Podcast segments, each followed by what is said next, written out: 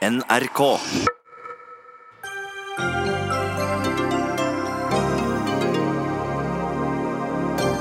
Når Arendalsuka åpner i august, kan partiet Alliansen og organisasjonen Stopp islamiseringen av Norge være blant deltakerne.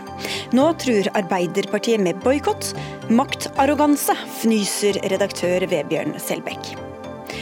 En fjerdedel av plasten i havet har noen skylt og sortert. Vi kan bare droppe kildesorteringen, mener tidsskriftet Minerva. Men Naturvernforbundet kaller argumentet lettvint og ber oss fortsette. Bilder fra familier i gamle dager skal selge barne- og familieminister Kjell Ingolf Ropstads nye familiepolitikk. Føyer seg inn i KrFs gammeldagse tilnærming, kritiserer Venstre. Og islam trenger en sexreform, sier muslimsk feminist. Naivt å tro at muslimer vil gå med på en 68-revolusjon, sier samfunnsdebattant og spaltist.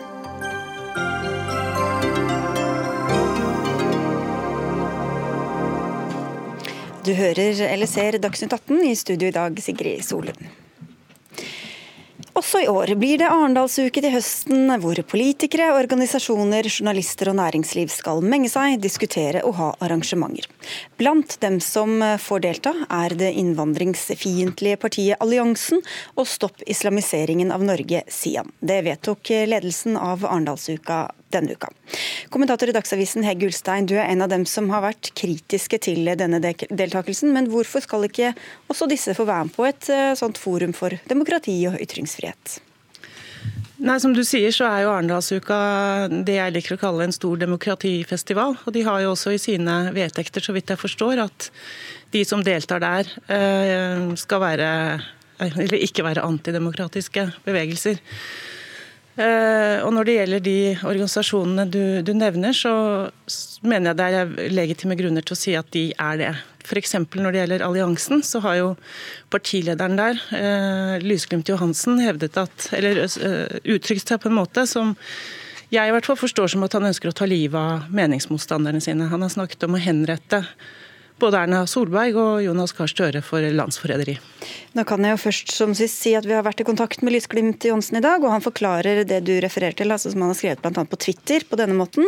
Sitat, Når vi politikere snakker om at hoder skal rulle, da vet alle at vi ikke alvorlig mener at folk skal giljotineres. Mange er negative til masseinnvandringen, den stille majoriteten av befolkningen er negative til masseinnvandring. Alliansen og Lysglimt er helt fredelige, men vi påpeker sannheter som noen ikke ønsker skal påpekes ikke liker eller blir krenket av. Vi må alle anstrenge oss for å gi, oss, gi hverandre ytringsrom, og ikke ta fra hverandre ytringsrom. Mer åpenhet, mer demokrati må følges opp i praksis, kanskje aller mest når man er uenig. Sitat slutt. Ja, og jeg kan godt gå med på det og være med på å tolke han i beste mening når det gjelder de utsagnene vi snakker om her. Altså dette med å ta Erna Solberg på Akershus festning for, eh, for å henrette henne på Akershus. Altså La oss si at det er billedlig ment, da, og at han egentlig ikke mener at, at hun skal skytes. Og, øh, men det er egentlig ikke så veldig interessant jeg, hvordan jeg tolker det utsagnet.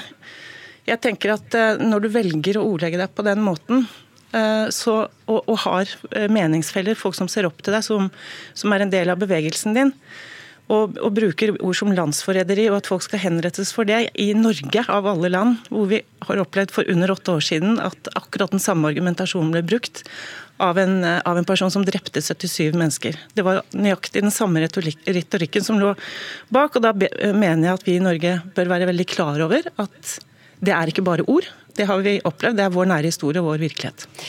Og Da snakker han om ytringsrom og ytringsfrihet, og da ringte vi til deg, Hanine Kierulf. Du er fagdirektør ved Norges institusjon for menneskerettigheter. Og du sa til Dagsavisen under Arendalsuka i fjor at vi heller bør ta til motmæle enn å stenge ute folk som har meninger vi ikke liker. Syns du det i dette tilfellet også? Ja, nå er det litt, eh, Jeg prøvde å sette meg inn i hva alliansen egentlig sto for i fjor. Det var ikke så lett. Eh, det er ikke blitt noe lettere i løpet av det året som har gått, må jeg si. Eh, gitt disse uttalelsene som har vært referert, og egentlig veldig mange andre også. Men hvis, hvis vi tar et steg tilbake og tenker på Arendal som en by og et offentlig rom, utenom den uken, så ville jo det å demonstrere og si disse tingene, kanskje ikke akkurat disse tingene, men det å demonstrere for det synet som, som alliansen mener at de står for, det ville jo være lov. Uavhengig av hva man hadde sagt før. Og, og selv om man hadde vært dømt for å si eller gjøre noe ulovlig før, så hadde man den ytringsfriheten og demonstrasjonsfriheten. Og så er det jo spørsmål hva er det som skiller Arendalsuka fra si, en ordinær situasjon i Arendal? I det samme offentlige rommet. Eh, og det er jo at det er en, eh, en, festival forpliktet på eh, demokrati, som du sier. Det de skriver selv, er at de ønsker å, å, å fremme måte, politikk og, og, troen på den politiske debatt. Og da har man egentlig skapt et veldig stort rom som må romme veldig mye i en, en sånn setting. Sånn at Det er på en måte ett utgangspunkt her. og Så kan man jo nærme seg dette på mange måter, hvis det er slik, som jeg tror mange vil være enig i, at den type ytringer og den type synspunkter ikke har noen stille majoritet bak seg, snarere tvert imot. Den er uh, uspiselig, uh, og vi skulle ønske at det var mindre av den. Vi vet at den fins, men vi har ikke lyst til å gi den veldig stor oppmerksomhet. Så spørsmålet om den beste måten egentlig å komme det til livs på, da, det er jo mer sånn praktisk spørsmål, og det kan man jo synes å mene om holdt på å si, uten at det er så lett å få det bevist. Men eh, kanskje er det ikke å gjøre dem til martyrer, slippe dem til, men for øvrig vise dem ryggen eller ignorere dem, eller sånn som det var i fjor. De sto der, eh, litt patetiske. Politiet fulgte opp, det var det.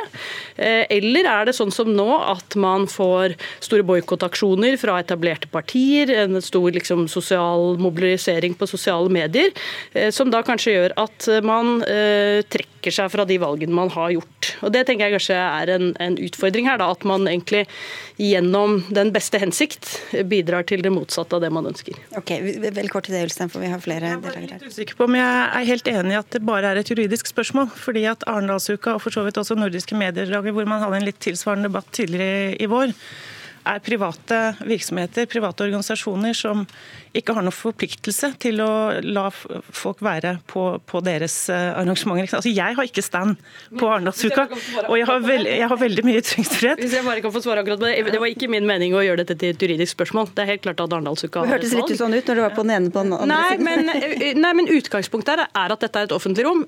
Eh, Arendalsuka er offentlig eid. Det er en kommunalt eid festival. Altså, så når de slipper til andre ganger, så er det ingen grunn til å Nei, men Det, det har noen andre utfordringer enn mediedagen. da. Men jeg mener ikke at dette er et juridisk spørsmål. Jeg mener det er helt klart opp til Arendalsuka å gjøre dette valget.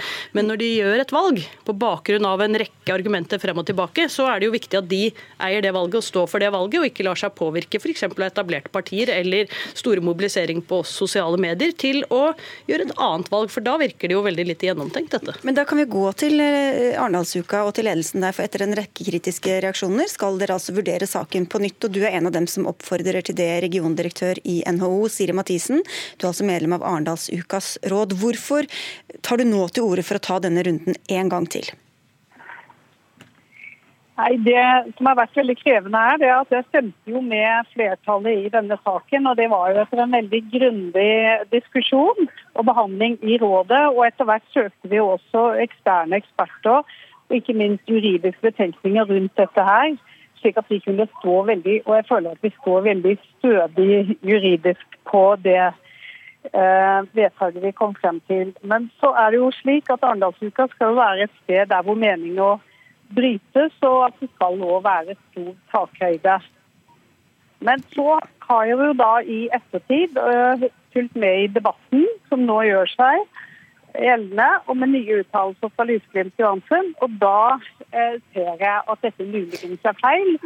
Og da har jeg, i likhet med LO-sekretæren Agder, anmodet om en ny behandling i rådet. Men hva, var det du, hva er det du vet nå som du da ikke visste da du stemte for dette for et par dager siden?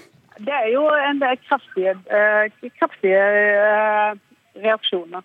Men det kom jo i fjor også, egentlig, da, da de var der i fjor. Så hva er det, du, er det du, som har gått opp for deg nå, som ikke du visste for litt siden? Vi opplever, vi opplever det, og derfor ønsker jeg en eh, ny vurdering av dette i, eh, i rådet. Men da må jeg spørre igjen, Hva er det du vet nå som du ikke visste for et par dager siden? Nei, Jeg ønsker å gå inn i en debatt nå. Dette skal vi ta innad i rådet. Det er viktig for oss å komme sammen nå og diskutere dette på nytt. Du, da sier jeg tusen takk for at du var med, Siri Mathisen. Du sier selv du ønsker ikke å, å, gå inn i en debatt, men da kan vi jo gå til deg, som det allerede er blitt indirekte vist til flere ganger, Kjersti Stenseng. Du er partisekretær i Arbeiderpartiet og har ikke sagt at dere vil boikotte, men sagt at dere vurderer det eller truer med det, kan man jo også bruke et sånt ord. Hvorfor, hvorfor gå til de eh, ekstremitetene, for å si det sånn? Det som var viktig for min del, jeg ble jo ganske forbanna når jeg så at de skulle få delta på den arenaen. og uh, Som et stort politisk parti som er opptatt av å være på arenaer der vi har uenighet, offentlig debatt, uh, møte meningsmotstandere, uh, så var det viktig for meg å si fra at nå er grensa nådd. For vår del så var det viktig å slå ned en stolper og si at dette handler ikke om ytringsfrihet og demokrati. Det er aktører som altså, Arendalsuka sjøl er jo veldig tydelig på at de er opptatt av at Arendalsuka er et dansegulv for demokratiet som skal være så stort som mulig. Men rasistiske hatytringer, holocaustfornektelse, de uttalelsene som Osvald Lysglimt Johansen står for, det er med å begrense deltakelse fra andre grupper. Homofile, jøder, muslimer. Det er mange som føler seg ganske så trua og utsatt av de uttalelsene de har. Og da mener jeg at i ytringsfrihetens navn så er vi opptatt av å si for at her skal vi legge til rette for at flest mulig kan delta. Da bør Arendalsuka bruke sin mulighet til å si nei takk til alliansen. Og dette fra Arbeiderpartiet, sier du Vebjørn Selbekk, du er sjefredaktør i Dagen, er maktarroganse. Hva er det som er arrogant med det? Det har jo med Arbeiderpartiets eh, fortid som et eh, statsbærende eh, parti i vår historie. Og så er det et parti som er veldig, veldig svært og nå eh, ja, på noen og 20% Og nå skal man da altså hindre et parti på 0,1% å delta, som, hadde, som, alliansen hadde ved siste valg, og delta på Arendalsuka. Og det man gjør da, eh, det er jo at eh, hensikten det blir, jo, det blir jo helt motsatt av det som var hensikten. Man bekrefter jo alliansens selvbilde som et viktig, viktig parti og viktige meninger. Det er de ikke. Kjersti Stenseng og jeg er helt enig når det gjelder synet på alliansen. Tar sterk avstand fra den eh, fremmedfrykten, homohetsen og holocaustfornektelsen som de eh, står for. Men når eh, Stenseng og Arbeiderpartiet legger hele sin tyngde inn i dette her, så får det helt motsatt virkning. Konspirasjonsteoriene deres blir på en måte bekrefta. Selvbildet deres blir bekrefta. Mye bedre å bare la dette forbigå i stillhet. La dem ha sin stand. Så tar vi 99,9% som er uenige med alliansen, og går på andre ting på, på Arendalsuka. I stedet så blir det en svær stor debatt om dette, og de føler at de er veldig viktige. Ja, Det er jo det samme Kjærulf var inne på, Stenseng. Hvorfor ikke bare la dem holde på, og så kan dere si vi ønsker ikke å møte dem til en debatt, men vi bare lar dem drive med det de driver med? Nei, jeg har ingen tro på å drive og tie i hæl og overså hatytringer. Det er et veldig stort demokratisk problem i sosiale medier, i den offentlige debatten.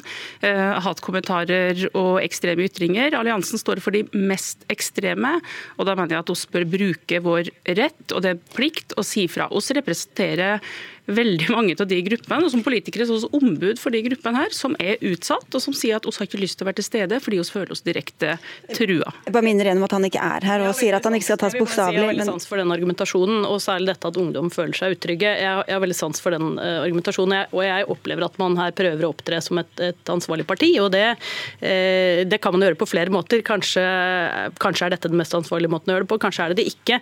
Uh, jeg vet ikke i hvilken grad, altså Dette har vært en diskusjon i flere år. i hvilken grad Arbeiderpartiet, som et av alle partier, tror jeg, som ble konsultert etter Arendalsuka i fjor, hadde den type innsigelser da. For da visste man jo at dette kommer til å skje i år igjen. Eh, det tror jeg kanskje ikke dere hadde.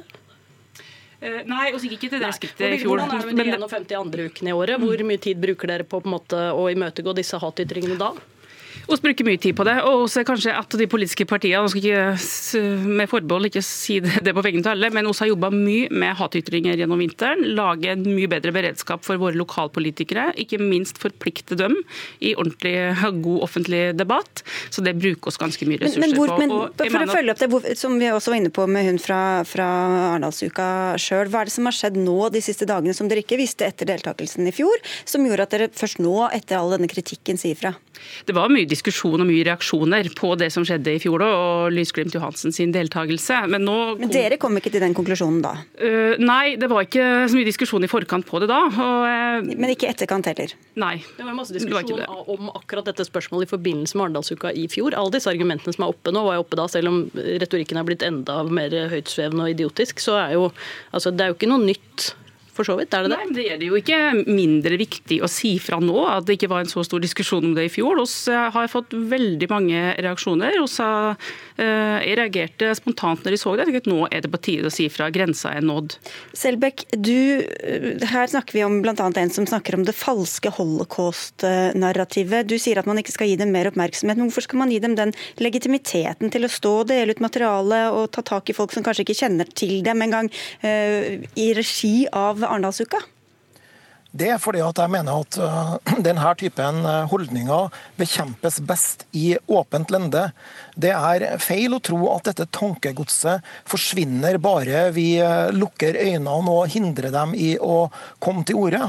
Dette, dette hatet, denne, denne, typen holdninger, det bobler under overflata likevel. Og, og, hvis man ikke møter dem, hvis man ikke tar det på alvor, hvis man ikke står opp mot det, så forsvinner det ikke. Jeg tror det er helt, eh, en helt feil holdning å, å bare lukke øynene og tro at hvis de ikke får komme og dele ut noen brosjyrer på, på, på Arendalsuka, så, så, vil det virke veldig positivt. Jeg tror det virker eh, negativt. Jeg tror det, det er en av de gode tingene med det norske samfunnet, at de demokratiske kreftene står opp og bekjemper denne typen tankegods. og Det eh, kan man gjøre denne gangen også. Hvis Arendalsuka nå snur igjen, så blir jo dette en farse. Og Lysglimt har fått den oppmerksomheten som han ønsker. Det burde han ikke ha fått. Og Heggelstad, Du er jo, har din egen plattform gjennom din egen avis, hvor du er betalt kommentator. Hvordan tar det seg ut å ville nekte andre som ikke har det ståstedet, å, få komme til ordet da? Jeg syns, syns, ikke det ville være riktig å nekte Lysglimt å komme til orde, og det har jeg aldri ment heller. Selvfølgelig har han sin ytringsfrihet som alle andre borgere i Norge, men som sagt så er det mange av de fem millioner menneskene som bor i Norge som ikke har stand på Arendalsuka, men som likevel har ytringsfrihet. Og så er det noe med formatet til Arendalsuka tror jeg, som, som gjør dette her ekstra vanskelig. og det er at det er jo en uke. Det er en hel uke. Og det å ha en stand i gågata der altså Jeg var der i fjor, jeg har vært og sett dem eh, tidligere. det nytter på en måte ikke å stå der og argumentere mot dem en hel uke, eller stå med ryggen til en hel uke. Eh, og De blir jo plassert sammen med Norsk Kennelforening og det ene og det andre. altså I en, i en veldig sånn uh, troskyldig uh, kontekst. da. Og Jeg så jo og hørte også om i fjor da, under en debatt der, at det er unge, nysgjerrige, søkende mennesker som ikke er kjent med hva dette er, som, som, som, blir, som blir dratt inn i det. og og det mener jeg er, eh, Både når det gjelder alliansen og, og Sian, så er det noe som Arendalsuka ikke bør legge til rette for. Nå skal de altså ha et nytt møte, så får vi se hva det kommer til. Jeg må bare gjenta at eh, nevnte Lysglimt Johansen sier at man ikke skal ta ham bokstavelig. Så får vi bare se om de kommer eller ikke, men si tusen takk til alle dere som var med her. Altså Hege Ulstein, Anine Kjærulf, Kjersti Stensek, Vebjørn Selbekk og Siri Mathisen. Dagsnytt 18 alle hverdager kl 18.00 på NRK P2 og NRK2.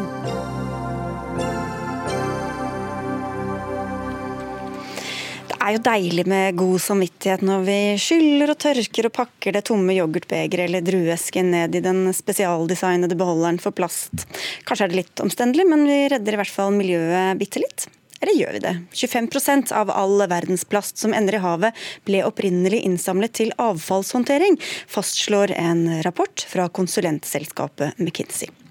Etter at Kina bestemte at de ikke vil ta imot all verdens plastsøppel lenger, svømmer nemlig den globale plasthåndteringa over med dette materialet. Og Aksel Fridstrøm, du er nyhetsdirektør i, nei, redaktør var det, i tidsskriftet Minerva. Denne situasjonen bruker du som et argument for at vi rett og slett skal slutte med denne plastkildesorteringa. Hvordan kan det være løsning på problemet? Vel, jeg mener at Dette er et ganske godt eksempel på der hvor du har gode intensjoner, men resultatene blir veldig veldig dårlige. Og Årsaken til det er at eh, vi samler inn veldig veldig mye mer plast for resirkulering enn den industrielle kapasiteten til å håndtere den plasten i Europa er. Så uh, Bransjeforeningen for uh, plastresirkulerere, altså The Plastic Recycling Europe, de har omtrent 500 medlemmer og anslår at de har industriell kapasitet til å behandle mellom 6 og 7 millioner tonn plast på sine websider så samler man inn nesten 30 millioner tonn plast. Og Da blir jo spørsmålet hva er det som skjer med den plasten da? Uh, og da betyr det selvfølgelig at det, det er jo da nesten over 20 millioner tonn plast som ikke kan redegjøres for, som må gå et eller annet sted. Så vi vet ikke helt hvor det blir av? Jo, vi vet en del om det. fordi vi vet at uh, lenge så ble veldig mye av denne plasten eksportert til Kina. Men nå har kineserne da sagt nei til å ta imot mer plast. Men det løser ikke det problemet, for den industrielle kapasiteten til å håndtere plasten eh, er ikke der. og Nå går den da til andre land som har enda dårligere systemer for avfallshåndtering. og Da er det mye bedre at den plasten blir igjen her, og i så fall blir brent i våre fjernvarmeanlegg. Silje Aske Lundberg, du er leder i Naturvernforbundet. Gode intensjoner, eh, men hva er poenget med å drive og kildesortere hvis det havner i havet, eller kan havne der? Ja, noe, det er ikke noe tvil om at eh, måten man har gjort det på over altfor mange år, har vært utrolig lettvint og veldig dårlig. Eh, og man eh, har på en måte hatt Kina som en sovepute. Altså Siden 1992 og fram da, til Kina på en måte stengte grensen sine, så er det jo Kina som har tatt imot om lag halvparten av verden sin, eh, plastsøppel. Um, og Det er jo fordi at man har latt markedet styre veldig fritt. Det er der det er billig. Uh, det er billig å sende det dit, istedenfor å bygge opp nettopp den industrielle kapasiteten selv. Og så er det klart at Alt går jo likevel ikke på havøy eller uh, havner i havet eller uh, hva det skulle være. Noe av denne plassen blir jo likevel gjenvunnet. Og Det er det som er utfordringa når man sier folk må bare slutte å kildesortere og så um, og bare brenne det istedenfor. Fordi da glemmer man at hvis du da bare skal brenne all denne plasten istedenfor, så må du lage ny plast når du skal ha plast. Istedenfor at man heller gjenvinner den plasten og, og lage gode systemer og markeder nettopp for at det skal lønne seg også å bruke plast som er gjenvunnet, istedenfor å hele tida bruke ny plast. Altså du ødelegger det systemet i tillegg, da? Ja, fordi noe av det som man ser i dag, er jo at markedet for å bruke gjenvinnbar plast er kjempedårlig. Og det er todelt. Det ene er fordi at det er altfor billig å bruke ny plast, eh, så det gjør man istedenfor. Eh, og da det du gjør da, når du hele tida bruker ny plast, da skaper du jo utfordringer også for eh, miljøet. Fordi at det er en klimabelastning ved å gjøre det òg. Sånn at man må bygge opp de markedene. Og da må man også få myndighetene til å stille krav om at man faktisk skal ha krav om å bruke en viss andel gjenvunnbar plast. Vi skal komme til myndighetene, men det er jo også sånn, liksom, du sier vi skal brenne den. En ting er jo at Plast er laget av olje, så må vi hente opp mer olje for å lage den nye plassen. I tillegg til at vi da slipper ut klimagasser når vi brenner denne plasten. Hvordan kan det være verdt det? Vel, nå er det jo sånn at det, For det første så er det slik at dagens system, når det ikke fungerer, så må man se hva er det nest beste, beste alternativet. Uh, Nederlands nasjonale statistikkbyrå beregnet at Nederland er blant de flinkeste til å resirkulere plast. Det at de gjør det, og da resirkulerer denne plasten, det reduserer da bare Nederlands årlige klimagassutslipp med mellom 1 og 2 promille. Så konsekvensen av å gjøre det på klimagassutslippene er ganske marginal. Samtidig så er konsekvensen av den praksisen som man har lagt seg opp til nå, hvor man samler i masse plass man ikke har kapasitet til å behandle, og eksporterer det til flere land i Sørøst, er helt katastrofal. Så det lekker ut flere millioner tonn plast i havet pga. denne praksisen. Ja, altså det er ikke noe tvil om at man er nødt til å bygge opp langt sterkere og bedre industriell eh, kapasitet til å håndtere det. det skal, Fortum har jo nå gått ut og sagt, det skjedde i fjor, Energiselskapet? som sa at de skal bygge en, en stor investering, en kjempestor eh, gjenvinning for nettopp plast. sånn at det skjer jo noe her. og Da er det kjempeskadelig å gå ut og si folk må bare slutte å, å resirkulere så, eller å sortere plasten sin, for det må man også gjøre. Og så er det jo, Man må jo huske også hvis du bare skal brenne det, det er jo ikke sånn at alt avfallet brennes. Når du brenner avfall, da skaper du flyveaske. Det er da et farlig avfall som har spesialbehandling. Så det er ikke sånn at du bare løser ting ved å brenne det. Det er også ut av syne, ut av sinn. Men da går vi litt til deg, Atle Hamar, statssekretær i Klima- og miljødepartementet. Norge har altså gått i bresjen for bedre internasjonal kontroll med plastavfall. Jeg sier det, så du skal slippe å gjøre det. Eh, klima- og miljøministeren har forsikret oss at eh, dette plastavfallet vi sender til Tyskland blir håndtert riktig. Hvordan kan dere vite at ikke vår plast og vårt søppel er med på å, å, å generere plast i havet? Altså det vi vet er at eh, Norsk søppel eh, som ikke går til gjenvinning, det går til forbrenning og sånn sett produksjon av ny energi i forbrenningsanlegget i Tyskland. Eh, så er det jo sånn at Mye av det avfallet vi har i havet, det kommer da fra ja, utviklingsland, eller det kommer også fra skip til havs. Eller det kan være uvær og uhell som gjør at søppel driver ut. ikke sant? Og Det er det som eh, vi nå har tatt tak i med Baselkonvensjonen først og fremst, det er at vi skal regulere dette med at plast som er usortert, blanda eller skitten, ikke kan eksporteres til utviklingsland. og Det skal gjelde fra 1.1.2021. og Det er faktisk et godt steg framover i denne sammenhengen. Men Hvorfor kan vi ikke bare håndtere vår egen plastsøppel her hjemme, i stedet for å sende det til utviklingsland eller til andre land? Jo da, det er jo Det er jo definitivt regjeringens politikk. Nå jobber vi med en Det er vel ikke politikken hvis ikke det er det som skjer?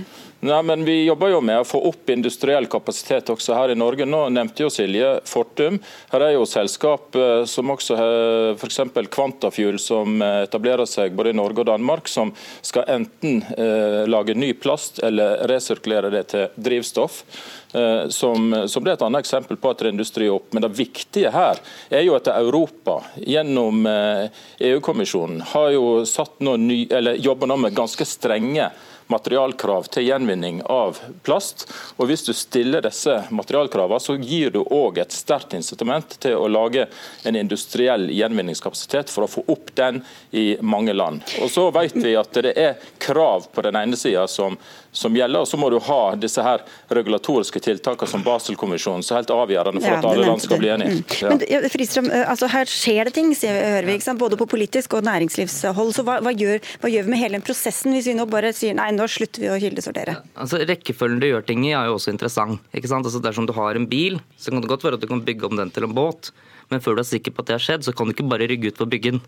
Så du kan ikke samle inn masse plastavfall først, uten å først ha bygd ut kapasiteten. Kapasiteten må komme først, og så må du samle inn plastavfallet. Men Hva tror du det gjør med folks motivasjon til å da liksom om tre år begynne å kildesortere igjen, når vi først har fått høre at det er ikke noe poeng? Ja, Den tror jeg blir redusert, men det er jo først og fremst de som har ansvaret for det, og de som ber folk om å samle inn plastavfall i et system som ikke fungerer. Og det er deg det, Lundberg? Ja, men For det første så er det jo ikke sånn at man kan tenke at ingenting av den plasten som vi eh, sorterer, at, noe har, eh, at ingenting av det blir gjenbrukt. For det stemmer jo ikke. Noe av det blir gjenvunnet. Og så er det klart at vi jobber, og vi har advart også mot Kina-problemet veldig lenge, og derfor hvor viktig det har vært å bygge ut den industrielle kapasiteten. Nå ser vi at det skjer. Men så må vi huske, altså eh, i stad sa du at ja, men det er så små promille at det er snakk om. Og utfordringa, hvis vi ser på alle mulige miljø- og klimatiltak isolert sett hver for seg, så er det veldig mange av dem er veldig små. Men nå er det engang sånn at veldig mange små ting blir større. Og for hver kilo med gjenbrukbar plast som man bruker, så sparer man også mellom 1,5 til 2,5 kilo CO2. Sånn at det er faktisk viktig. Men det som det handler om, og det er jo det Atle Hamar også må jobbe med, er å faktisk legge til rette nå for at man kan bruke mer. At du skaper et marked for gjenbruk brukbar plass. For det er det som skorter. Du, Da skal du få ti sekunder på tampen her, Atle Hammer. Hva vil du si da til alle de som nå tenker at nei, nå gidder jeg i hvert fall ikke å stå og skylle deg yoghurtbegeret lenger? Du, ingen skal slutte å sortere plast. Det er så viktig å drive kildesortering, for vi jobber nå med sirkulærøkonomi og få det opp og gå. Vi skal øke den industrielle gjenvinningskapasiteten, og vi vet at gjennom materialkrav så kan du altså få i gang en ny industri. Og Hvis det er sånn at folk slutter å resirkulere eller, re, eller sortere ut plasten, så blir det i alle fall ikke et markedsgrunnlag for disse industrielle prosessene som det blir vist til er så viktige. Og Da blir det definitivt dyrere å etablere nye gjenvinningssystem for plast. Så jeg tenker at Det er ingen, ingen alternativ til å slutte å kildesortere, så bare sorter på, folkens. Ja, ok, Det var ti lange sekunder. Takk skal dere ha, i hvert fall alle tre. Aksel Fridstrøm fra Minerva, Silje Aske Lundberg fra Naturvernforbundet og Atle Hamar fra Klima- og miljødepartementet.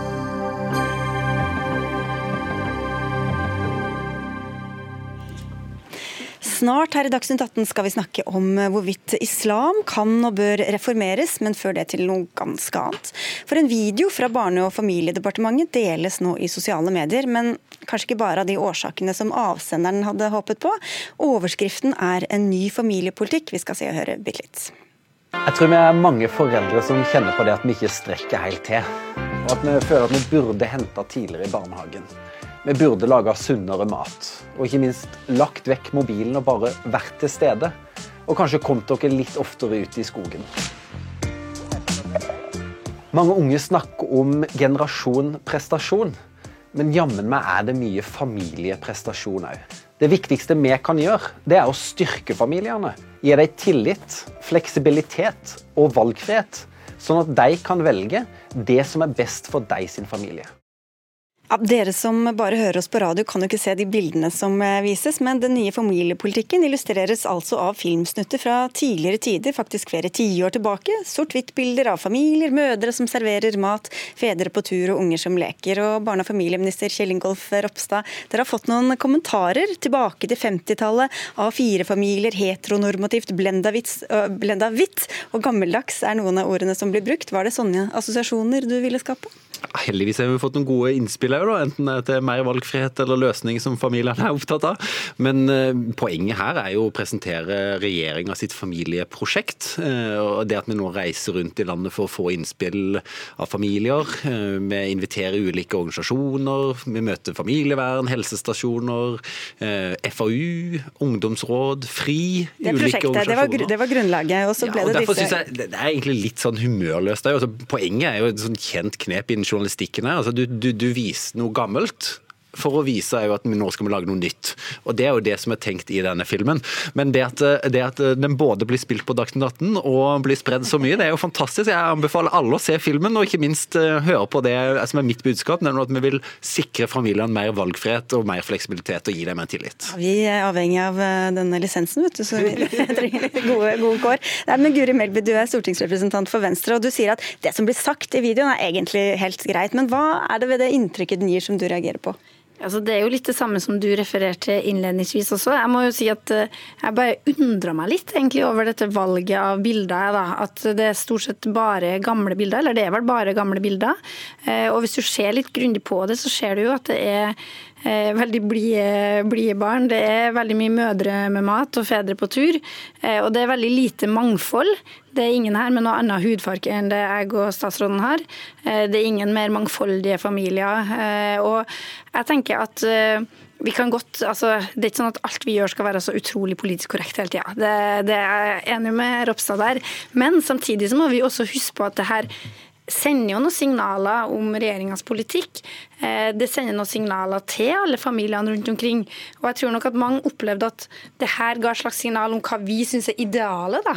For det er disse lykkelige 50-tallsfamiliene som er ideale, og det er det i hvert fall ikke for Venstre, og det tror ikke jeg det er for regjeringa, og heller ikke for KrF. Det skjer jo ikke et vakuum det her, Ropstad. Det er jo en kontekst som du tolkes inn i også. Ja, men, men, eh, det kan godt være at neste film så kommer jeg til å legge enda mer vekt på at vi faktisk viser det mangfoldet som regjeringa er opptatt av. Og når vi reiser rundt så, og når vi henter inn kunnskap, så er det jo nettopp å lytte til eh, alle typer familier, få innspill og få et mangfoldig bilde av situasjonen. Og Det er klart, det vi er opptatt av, det er jo det at eh, vi som familier da, er veldig ulike. Og, og det å sitte i Oslo og bare bestemme at sånn er den beste løsninga for alle familier, det er vi jo mot. Det er jo derfor vi løfter valgfriheten. Og jeg, okay. som jeg sier i filmen, det er mange familier familie som kjenner på at det er utfordrende å få tida til å gå opp. Det er noen småbarnsforeldre som blir holdt våken om natta eh, fordi at ungene ikke vil sove og skal likevel prestere maks på, på, på, jobb dagen etterpå. Eller at du skal rekke å kjøre på trening, du skal liksom virkelig mm. prestere. Og det å kunne politisk finne gode videoen, det, det, det handler om å finne virkemidlene og utforme politikken sånn at familien faktisk blir møtt i den situasjonen de er. Ja, Men så har kanskje familiene noen andre utfordringer enn dem som Ropstad her peker på, og dem som den videoen her peker på. Det er kanskje familier som føler at de ikke blir helt sånn akseptert, da, fordi at de er litt annerledes enn det her idealet. Det er unger som vokser opp med to mødre, som fortsatt opplever at mange stusser litt på det og syns at det er rart. Kunne jo tolkes som et lesbisk par som var ute med barna sine. Det, kunne, det kunne ha vært det. men Jeg vet ikke om det var så mange som gjorde det på 50-tallet, så i sort-hvitt. Men, men, men, du sier at viktigere enn denne videoen egentlig er hva Ropstad velger å, å snakke om og legge vekt på ellers også, at han blander blande litt KrF-politikk og, og regjeringas politikk? Ja, altså det her er jo satt inn i en kontekst. Eh, og siden Ropstad ble statsråd, så har han vært ut flere ganger og vært i debatter der han f.eks. har brukt mye tid på å snakke om hvor viktig det er med valgfrihet i foreldrepermisjon. Eh, mens det som da regjeringa har gått, uh, gått, inn for, og som er vedtatt i Norge, er jo at vi skal ha en lang kvote til mor og en lang kvote til far, slik at vi sikrer at begge foreldrene får en lang foreldrepermisjon.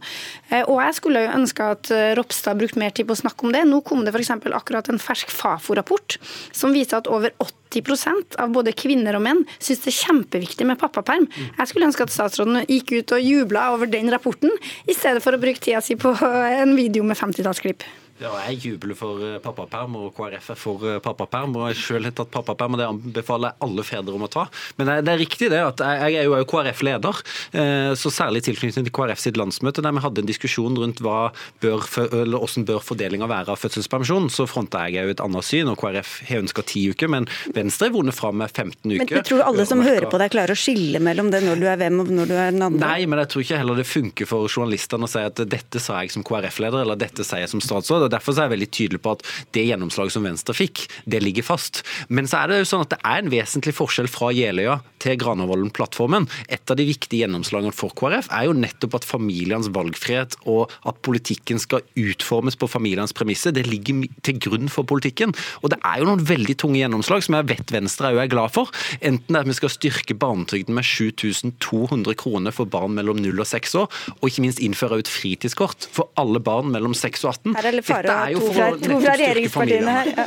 Nei, men Jeg vil jo gjerne at Ropstad skal være min statsråd. Jeg har lyst til å heie på deg hver gang jeg hører deg i media. Og vi er enige veldig ofte, men akkurat når det gjelder f.eks. For foreldrepermisjon, eh, så mener jeg jo at du rett og slett tar feil. For jeg mener at det som gir mest valgfrihet, er å sikre at både mor og far får hver sin kvote. For vi vet at hvis vi kutter i kvotene, så vet vi at det går utover fars valgfrihet. Så det å gjøre det her til en sånn enkel diskusjon om valgfrihet, syns jeg er en veldig sånn forenkling av fakta.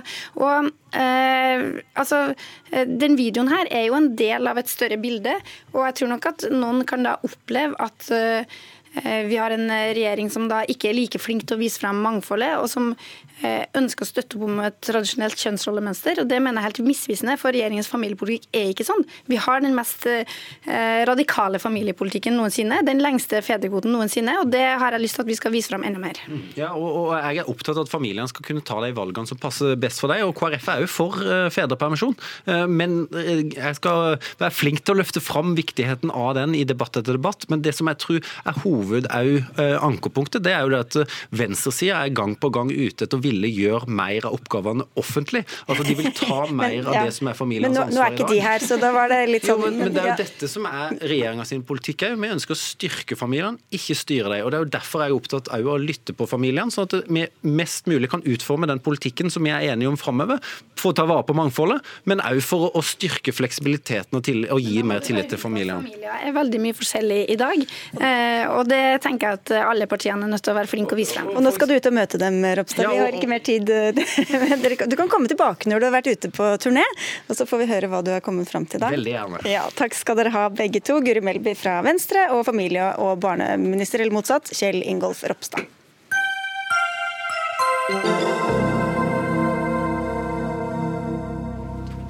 Mindre bompenger lovet Fremskrittspartiet. Satsene skulle ned og bomstasjoner rives hvis de kom til makten. Likevel stemte partiet for ti nye bompengemilliarder i går, og pengene skal altså gå til nye veiprosjekter.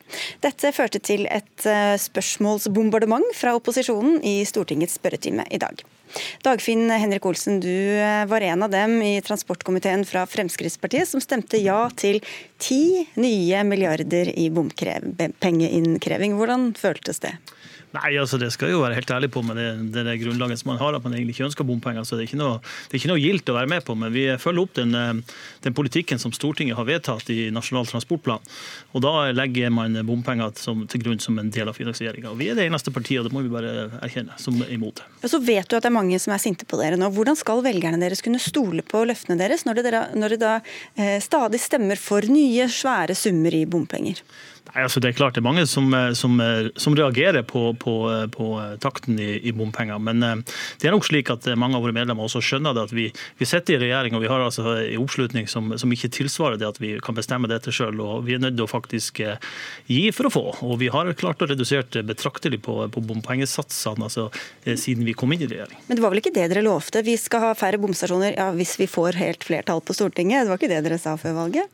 Ja, vi sa det. Vi skal, vi skal fjerne bomstasjoner. men det er jo engang slik at da trenger du altså 50,1 hvis du skal ja, ja, klare å gjøre det. Men det lader ikke til, kanskje? Nei, men det, det tror jeg de fleste skjønner. at det, Sånn er det. Fride, Frode Myhrvold, du er leder for Folkeaksjonen Nei til mer bompenger, og ordførerkandidat i Stavanger og fylkesordførerkandidat i Rogaland, og sier at Frp er uredelige når det snakker om bompenger. Men hva er det som er så uredelig ved bare å følge opp vedtatt politikk? Nei, Frp de snakker om at de har fått ned prosentvis andel av bompenger. Eh, men de passer på å holde eh, de store bypakkene ute av eh, dette regnestykket. I de bypakkene så går mesteparten til alt annet enn vei. Og Frp er også veldig påpasselige med å si at de har fått ned bompengene som skal gå til vei, men de unnlater å snakke om de bompengene de nå krever inn, som skal gå til kollektivtrafikk, sykkelveier, gangveier. Her snakker vi om over 150 milliarder som skal samles inn i de store norske byene. Og når Frp snakker om at bompengeandelen har gått ned eh, med de i regjering, så må de selvfølgelig inkludere disse bypakkene. Og da får vi et helt annet regnestykke.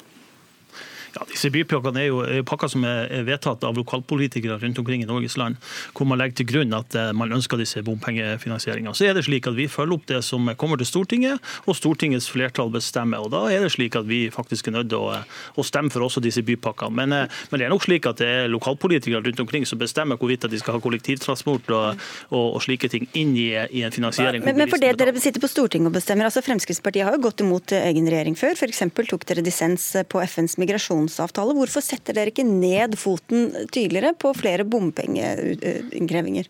Ja, det er vel slik at det er vel noen diskusjoner som skal foregå fremover i tid også, som, som uh, Siv Jensen har, varsler, uh, som Siv Jensen har signalisert at vi, eh, vi, vi har noen, noen, mål og vi har noen resolusjoner fra vårt landsmøte som vi ønsker å diskutere med våre regjeringskollegaer. Så får vi se hvor vi, hvor vi havner. Men det er ikke noe tvil om det at vi ønsker å redusere dette ytterligere.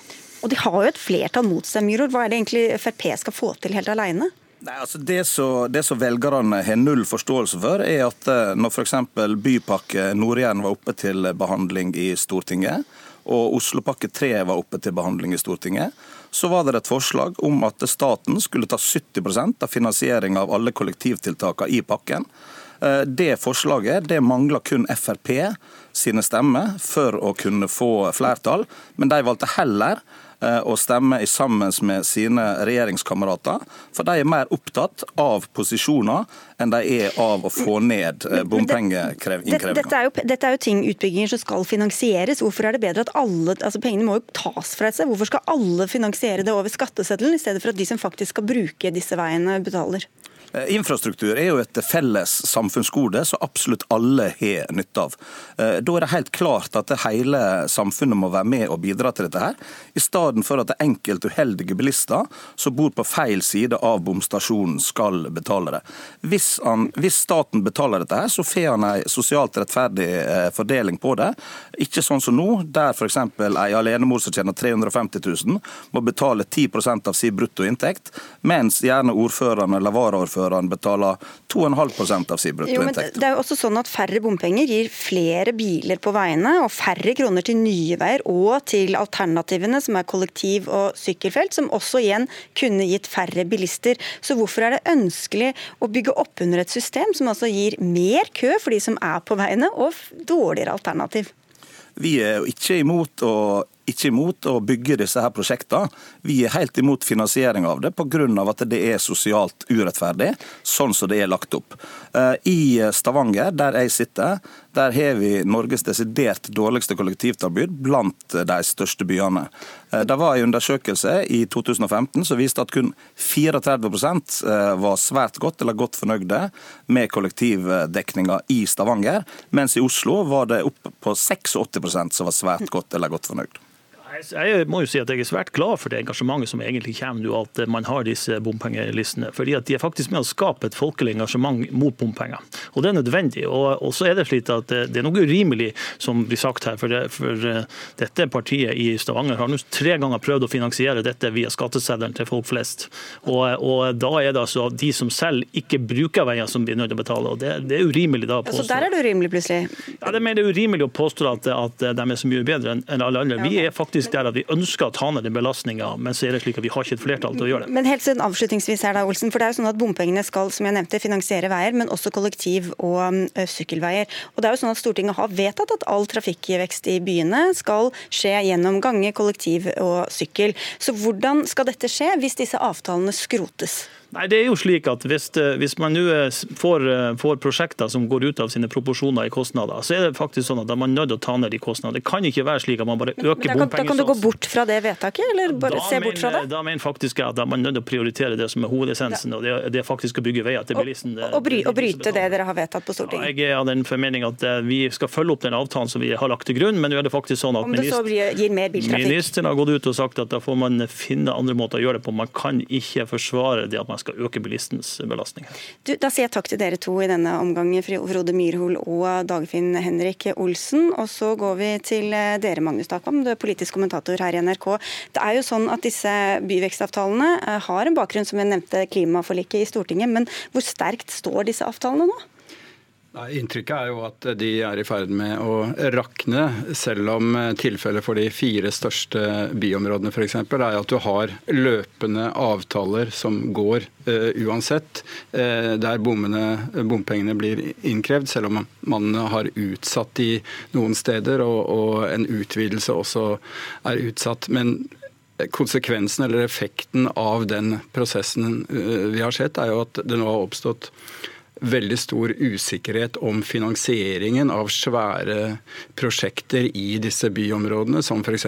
Bybanen til Åsane, Fornebubanen her i Oslo-området, T-banetunnelen osv. Fordi, Bl.a. fordi finansieringen og inntektene har sviktet i forhold til prognosene. Assisterende direktør Kjell Werner Johansen ved Transportøkonomisk institutt. Vi hørte altså litt av det utgangspunktet. Hva var det meningen at disse bompengene egentlig, hvordan de skulle virke? Ja, de Bompengene i disse nye byvekstavtalene skal jo, det er kanskje det viktigste virkemidlet for å nå dette nullvekstmålet. At det demper biltrafikken. Sånn, og Samtidig så får man jo da penger i kassa til å, som kan brukes på andre fine ting. Og det er jo selvfølgelig ikke veikapasitet i og med at man ønsker å begrense trafikken. Så da får man jo midler til å bruke på kollektivtransport og gang-sykkeltiltak og den typen ting som bidrar til at man får bedre alternative transportmåter i byene.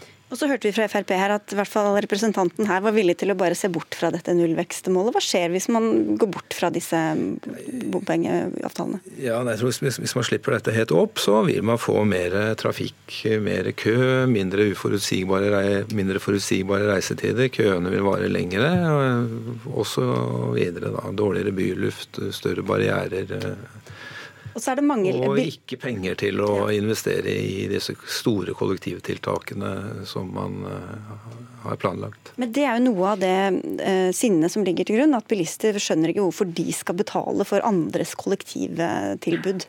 Hvor er logikken i det? Nei, logikken i det, Litt sånn historisk så gjaldt det nytteprinsippet. Der en bilist betaler bompenger, så skulle han få noe vei igjen for det.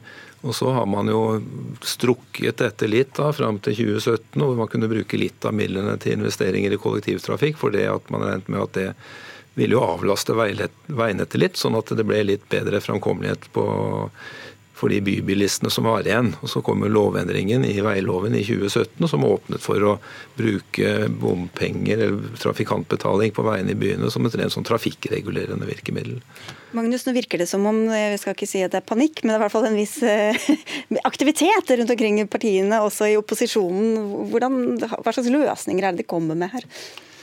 Så, situasjonen er jo sånn at heller ikke opposisjonen har én samlet løsning og ett svar på eh, de problemene som nå har, har dukket opp. Eh, for noen partier, sånn som SV og Miljøpartiet De Grønne f.eks., så er det ett svar, og det går ut på å redusere dramatisk ambisjonene også for disse store motorveiprosjektene og fjordkryssingene osv. i Nasjonal transportplan. Jeg hørte i Stortinget i dag Arne Nævra fra SV si at f.eks.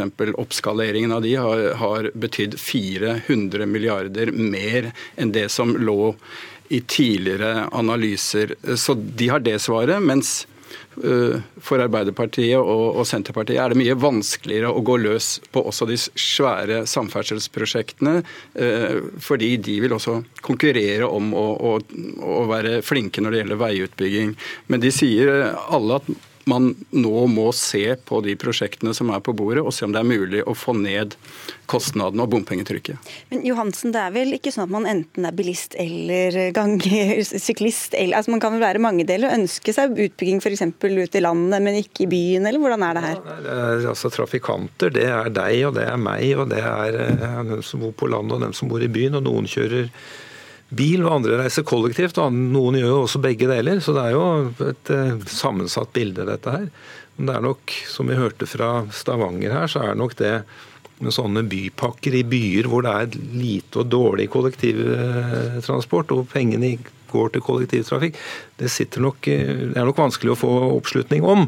Så jeg tror nok det er viktig for de som har ansvaret for disse bypakkene, både på statlig og lokalt hold, at de liksom sånn tydeliggjør hva som er effekten av dette, her, og gjerne viser, viser at man, man, får noe igjen for, for pengene. da. På tampen, Magnus Takvam, I går så gikk eh, FrPs finanspolitiske talsperson Sivert Bjørnstad ut i Dagbladet og krevde full moms på elbiler allerede fra neste år, som det ble avvist eh, riktignok fra finansminister Siv Jensen. Men hvordan leser du det inn i dette bildet?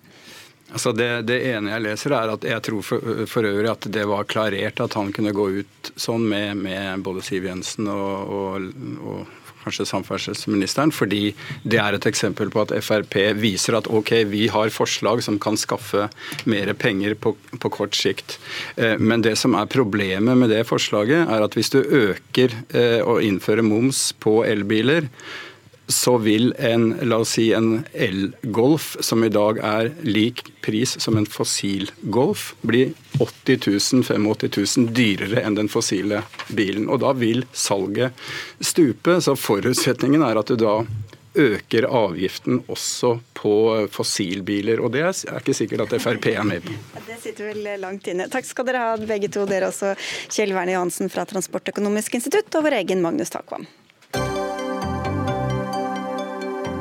Hør Dagsnytt 18 når du vil. Radio NRK Radio.nrk.no.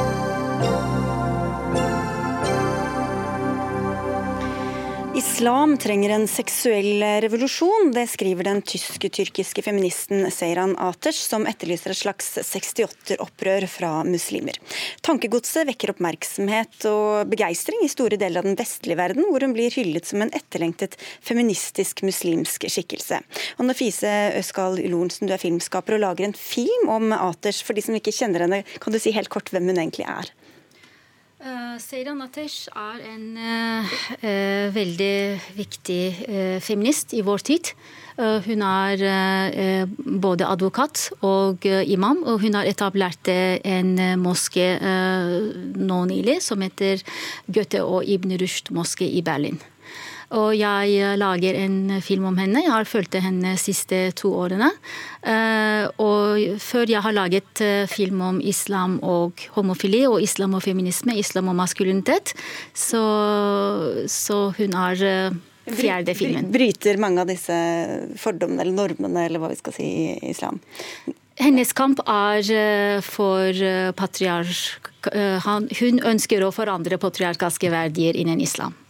Usman Rana, du er forfatter og spaltist, og du skrev i Aftenposten at hun eh, mangler islamsk troverdighet. Du er ikke så begeistret for henne. Hvorfor mangler hun troverdighet innen islam?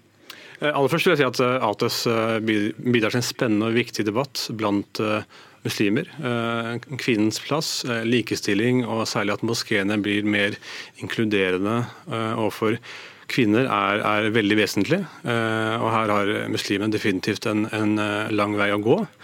Samtidig så er jeg bekymret eh, fordi en del av eh, den fremfører minner om et eh, slags neo-orientalistisk prosjekt der Det var veldig intellektuelt. Ja, der, der, man prøver å vise at islam er underlegen vestlige verdier, og at islam og muslimer må bli mer siviliserte ved å forene dem med verdiliberalismens til enhver tid skiftende verdier.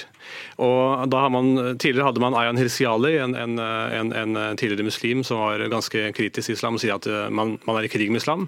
Nå har man eh, med lys og lykter eh, fra vestlig side, vestlig liberalers, liberalere side, funnet en aktivist blant muslimer som mener det samme, at islam må forenes med verdiliberalismen. Og Det som er utfordringen, er at grunnlaget for de endringene Eh, ATUS ønsker, er, er eh, bygget på 68-bevegelsen. Eh, en, en, slags venstreliberal, anarkistisk bevegelse som, som måte ikke hadde så mye til overs for religion. Nei, så, så, I det du sier mellom linjene, eller i hvert fall under, så virker det ikke som om som du tror hun har noe særlig appell, eller du har ikke noe gjennomslag, eller har ikke noe grunnlag da, i islam, eller Det er to aspekter. Eh, for det første så, så mangler hun eh, formell skolering i, i islam, og det, og det, er det rent uh, formelle. Og, og, Derav så, så, er imamtittelen mer hva skal jeg si, proforma, virker mer som en islamsk kamuflasje for det som kanskje hennes egentlige prosjekt er. Og det er det andre aspektet, som er, virker, virker å være et liberaliserings- og sekulariseringsprosjekt. Fordi hun sier selv at hun, Ates, tror på Gud men ikke på religioner i sin bok. Og da, og da er det jo lite appell blant muslimer. Kanskje jeg kan ta litt som uh, bidra hva du skulle si. At uh, Først og fremst at kredibilitet er ikke bare litt som uh, statisk ting. Også hvis vi går til norske historien, da, også i, til 1970-tallet, også homofili var forbudt. Også det var helt umulig å tenke at i norsk, altså, vi kunne ha gay og altså, homofili homofile eh, og lesbiske eh, prester i eh, norske kirke. Så det vil si at kredibiliteten er forandrer seg. Og hvis du går tilbake til tiden til Ingrid Bjerkås, som er den første kvinnelige presten i Norge, så i sin tid hun var ikke kredibil fordi hun ønsket å være kvinnelig prest. Men tror du Ayter skal få samme gjennomslag i den muslimske Også en ting jeg må bare si at Atesh er ikke den første personen som sier at vi må ha kvinnelige imamer. Hvis vi går til til Kina. Og som jeg var nylig vært i Kina og filmet sammen med Atesh og har truffet kvinnelige imamer. Og siste 300 år eh, Kina har hatt kvinnelige imamer, og siste 150 år de har hatt kvinnelige altså moskeer. Så det er ikke noe nytt. Men en ting som er veldig for, uh, forskjell inn i Europa uh, uh, Seiran Atesh går med fem bodyguards, men i Kina de kvinnelige imamene har ikke bodyguards. Er det det at du ikke tror hun har noe liksom, grunnlag, eller at du ikke ønsker at hun skal ha det? Eh, for meg, handler det ikke om at hun, for meg handler det ikke om at hun er en kvinnelig imam. Jeg eh, ønsker veldig sterkt at eh, kvinnelige muslimske ledere kommer frem. At, at, de, at, de, blir religiøse ledere. og Det er også en del av den islamske tradisjonen at kvinner hadde en sentral plass i islamsk teologi. Og, og, og det er noe, og det er, og det er noe som har. Samtidig så, så, handler det igjen om hva hun sier. Hun bygger dette på, på, på 68-erne, på verdiliberalismen. og hun ikke hun har ikke noen teologiske argumenter. Hun, hun, har ikke noe teologisk fundament bak det hun sier, så hun argumenterer med at muslimer bør bli som 68-erne.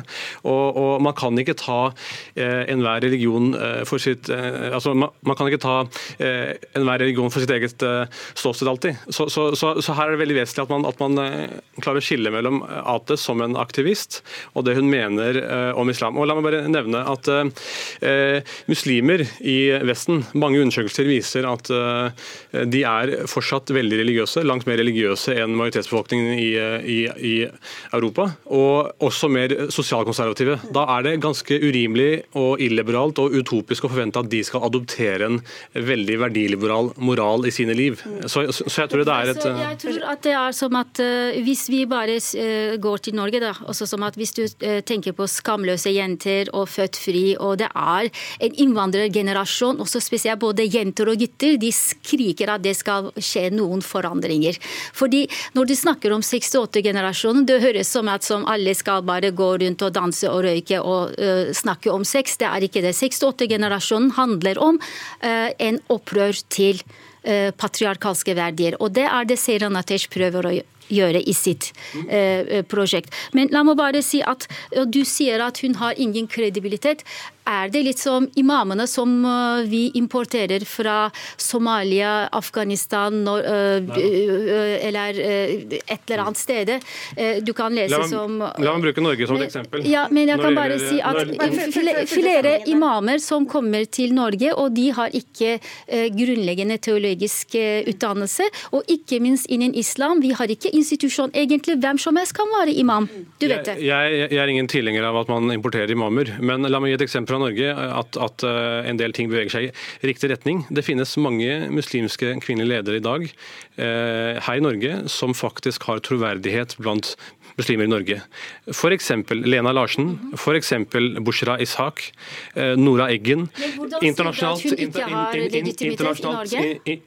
Internasjonalt ser vi f.eks. Vet du det, at hun ikke har noe legitimitet i Norge? Da må jeg få svare, da. Ja, ja, boka Folk skal lese boka, og så folk kan si om de har Tiden går fort her. Du får, svare helt kort til Denne moskeen i Berlin har ofte flere journalister som oppmøte enn en tilbedere. Har du vært der? New York Times, da de var der, så mente de at journalistene var langt flere. Og, og, vi ser hele tatt Oppmerksomheten kommer fra vestlige journalister, vestlige liberalere og også ytre høyre i Tyskland. Noe som er alarmerende om hva slags generalisering Rates kommer med sin bok om, om år Jeg har fulgt henne to Har du vært i moskeen hennes? Jeg har ikke vært i moskeen, jeg har lest mye om den. Ja, men det er veldig anbefaler, du og jeg, vi, en gang vi kan dra sammen. Og det er en ting så fantastisk hennes moské. Både mann og kvinner eh, bærer sammen. Og jeg vil ikke gå og be i en moské bare for kvinner. Det hørtes ut fra begeistringen her, eller den manglende sådan, at det ble ikke noen sånn moskéturné på deg, på deg med det første. Men vi får si tusen takk for at dere kom, begge to, Osman Rana og Nefise Skal Lorentzen, For Dagsnytt 18 er nemlig slutt for i dag. Det var Dørum som hadde ansvaret for den, Marianne Myrhol hadde teknisk ansvaret, og jeg heter Sigrid Solund og ønsker en fin kveld.